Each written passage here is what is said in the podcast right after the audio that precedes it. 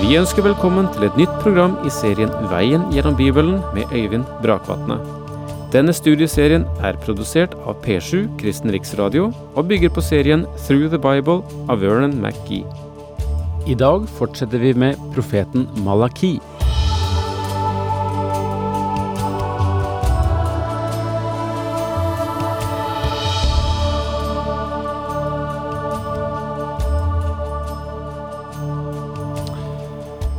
I det andre kapittel i eh, boken til Malaki her,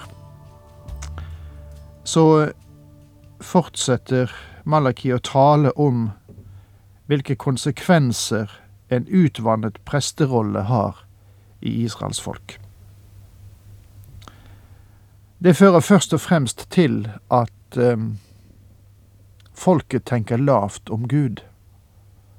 Man får et utvannet bilde av Gud. Det å tjene Gud blir ikke så nøye. Og det han har sagt, skal vi egentlig ta med en klype salt. Ytre sett førte dette til at man kunne sette til side alt, alle forordninger som Gud hadde gitt, blant annet også når det gjaldt å bringe ham offergaver, og hva disse offergaver skulle representere. Fra Guds side skulle det representere noe fullkomment.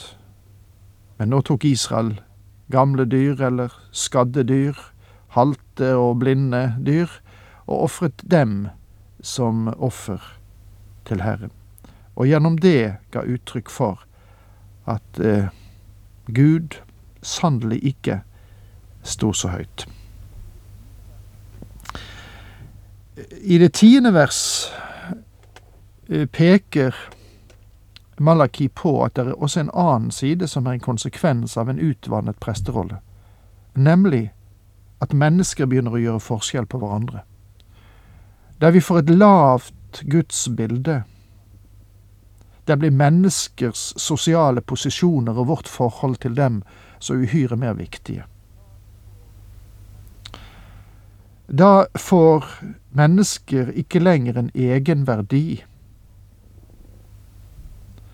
men de får bare verdi som produkt, som eh, jeg har et forhold til og kan dra nytte av. Men slik var det ikke ment, og nå leser vi det tiende verset igjen.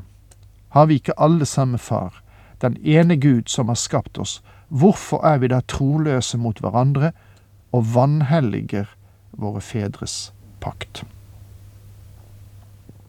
Gud er far ved skapelsen. Og så mistet mennesket dette fellesskapet. Og resultatet ble en menneskeslekt som eh, verken hadde et fellesskap med Gud eller fellesskap med hverandre.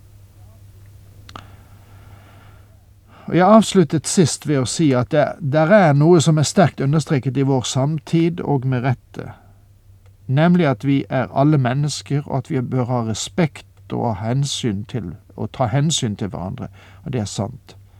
Du er et menneske, og jeg er et menneske, og jeg burde innrømme deg de samme rettigheter og privilegier som jeg har, og ha den respekt for deg som jeg ønsker for meg selv.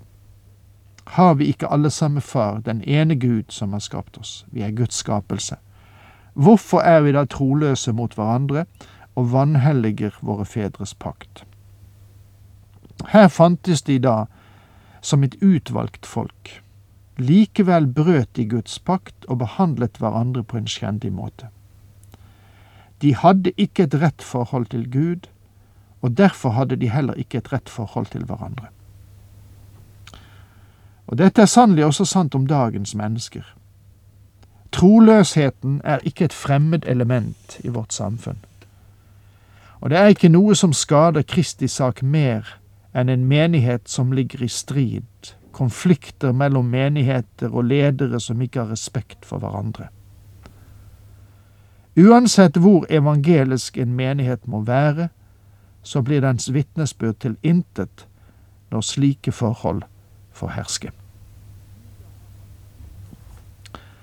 Juda har handlet troløst, avskyelige ting har de gjort i Juda og Jerusalem, ja, Juda har vanhelliget den helligdom Herren elsker, og tatt en kvinne til ekte som dyrker fremmede guder.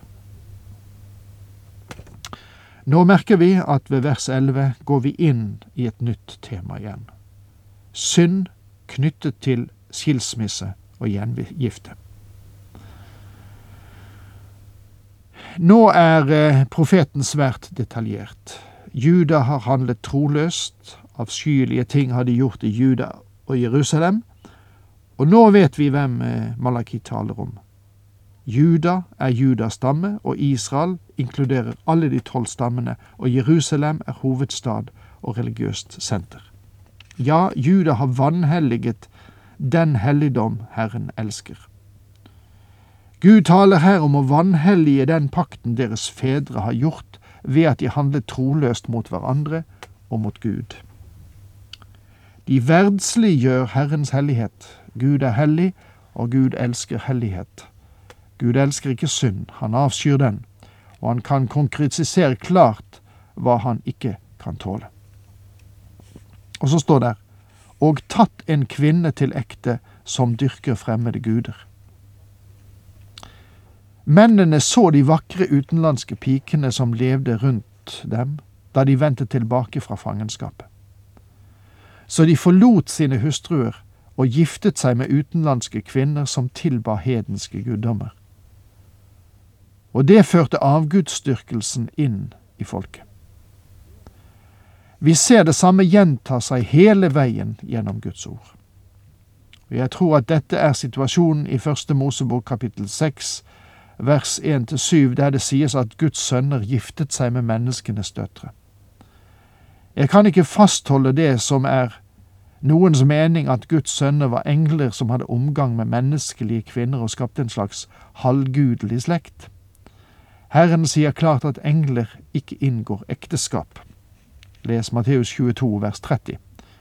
Men dette markerer faktisk sammenbruddet for gudsfrykten i Sets linje når de giftet seg inn med Kains gudløse linje. Og vi ser dette hende igjen når Israels barn nærmet seg løftets land. Kongen i Moab leide Biliam for å forbanne Israel fordi moabittene fryktet dem. Da Gud ikke tillot Biliam å forbanne dem, så ga han moabitterkongen et dårlig råd. Dårlig for Israel. Han sa at han skulle la Moabs døtre gifte seg med Israels sønner. Det skjedde, og disse kvinnene førte med seg Moabs avgudsdyrkelse inn i Israel. Etter at Israel var delt, ble avgudsdyrkelsen fra Funikia introdusert i Nordriket gjennom ekteskapet mellom Akab og Jesabel. Hun datter av en Baal som i utgangspunktet var en avgudsprest, og deretter ble konge i Tyrus og Sidon. Det hendte på samme vis under Malakis tid. Vi lærer av Nehemja-boken at det var alle slags hedenske folkegrupper, som omgav den rest som vendte tilbake fra fangenskapet.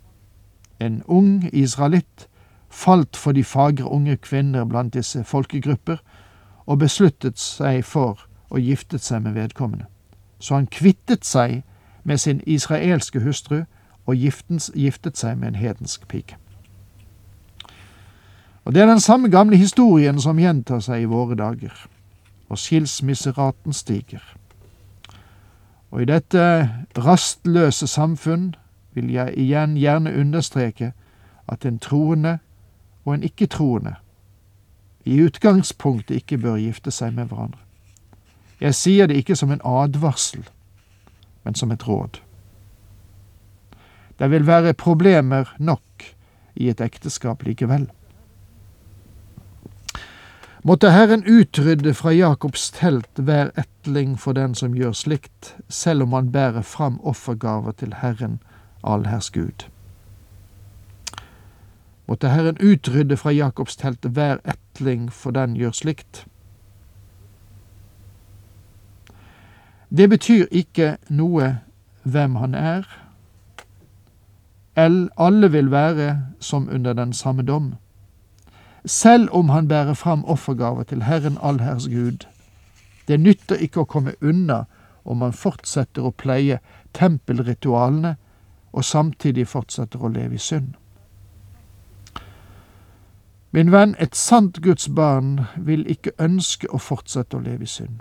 Det er årsaken til at den fortapte sønn der i grisebingen til sist kom til seg selv og sa, Jeg vil stå opp og gå hjem til min far. Han var sønn og ikke svin. Han hadde sin fars natur og kunne derfor ikke fortsette å leve som et svin.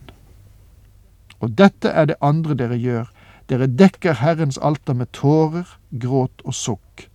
Men han vil ikke lenger se på gaven eller ta imot deres offer med glede.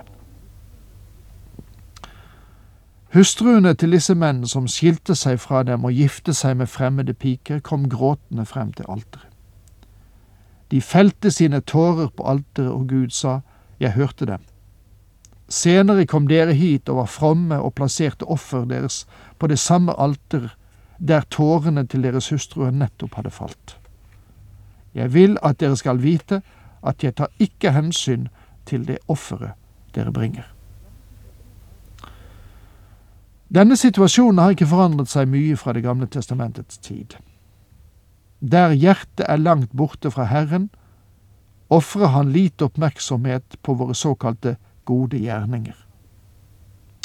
Og jeg håper ikke noen av oss er i den situasjonen som står omtalt her. Herren vil ikke lenger se på gaven eller ta imot deres offer med glede. Gud kjenner hyklernes vei og aksepterer ikke deres tjeneste. Og nå kommer disse skuespillerne fra Malakis tid med sin påklistrede unnskyldning og spør. Og dere spør hvorfor, fordi Herren er vitne i saken mellom deg og din ungdomshustru. Du har vært utro mot henne, enda hun er din ektefelle som du er bundet til ved pakt. Og dere spør hvorfor. Guds ord virker støtende, selv om han bare antyder at han vil ikke ta imot deres offer. Og tanken er at han sier, hvorfor vil han ikke ta imot dette offeret? Jeg hadde jo med meg et vakkert fett lam som offer. Når de stiller spørsmålet, meisler Malaki ut svaret for dem i sterke farger, så de ikke skal misforstå hva Herren egentlig er etter. Og der tror jeg faktisk at vi må sette strek, og håper vi møtes igjen. Takk for nå. Herren med deg.